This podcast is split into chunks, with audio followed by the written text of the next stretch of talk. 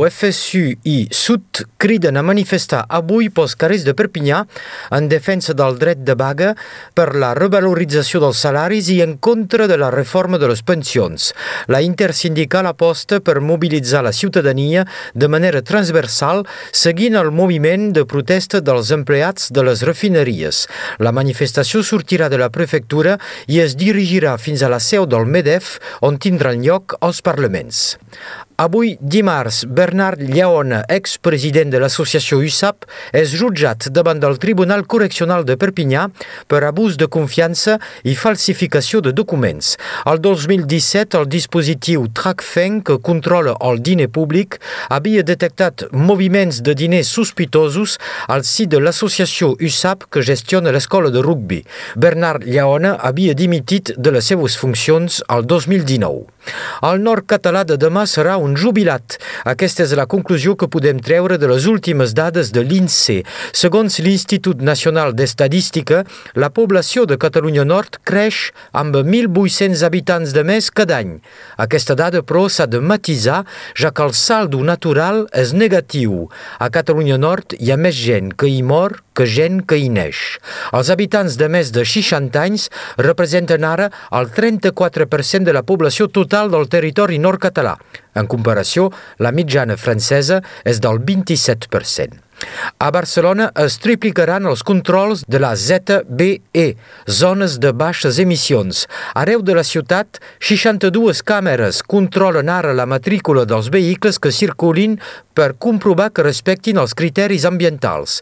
Recordem que aquests controls s'efectuen els dies laborables, del dilluns al divendres, de les 7 del matí a les 8 del vespre.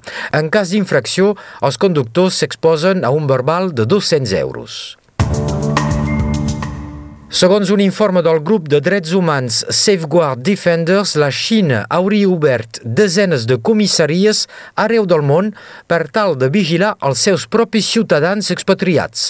Aquestes comissaries s'amagarien sota el nom de centres d'ajuda a l'estranger i operen ignorant les lleis del país de residència. Sempre, segons el mateix informe, la Xina tindria actualment més de 50 comissaries d'aquest tipus als cinc continents. A Ucraïna, la capital Kiev va patir ahir un bombardeig amb drons kamikaze. L'armada russa intensifica els atacs com a resposta a l'explosió del pont de Crimea. Quatre explosions es van produir a primera hora del matí. També ahir la central nuclear de Zaporizhia va ser desconnectada de la xarxa elèctrica ucraïnesa després de nous bombardejos russos. I acabem amb una informació de pel·lícula que ens ve de Girona. Tres homes van fugir a Correcuita d'un cafè on van descuidar una bossa amb 3 milions d'euros falsos. Els Mossos d'Esquadra investiguen ara l'origen dels diners. De moment, els policies catalans disposen almenys d'una de les matrícules dels vehicles dels fugitius. Gràcies, Sebastià. Fins aquí aquestes notícies.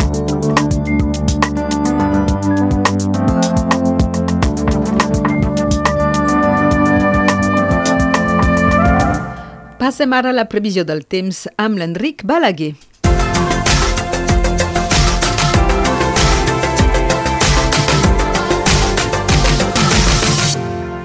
S'allarga l'estiu encara avui amb una situació que no canvia gaire. L'anticicló instal·lat al nord-oest del Mediterrani resisteix amb èxit a la depressió atlàntica.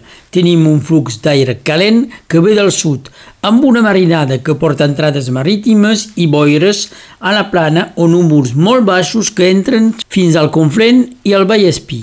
Cap al Fenolledès o a la franja costanera pot caure's febles precipitacions. Cap als relleus, en canvi, el cel serà molt més lluminós. Evidentment, les màximes són altes.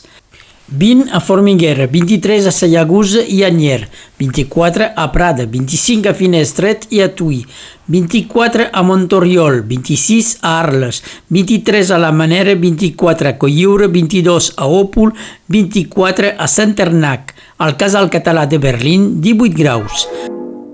Avui és Sant Lluc. Per Sant Lluc poses les olives en suc.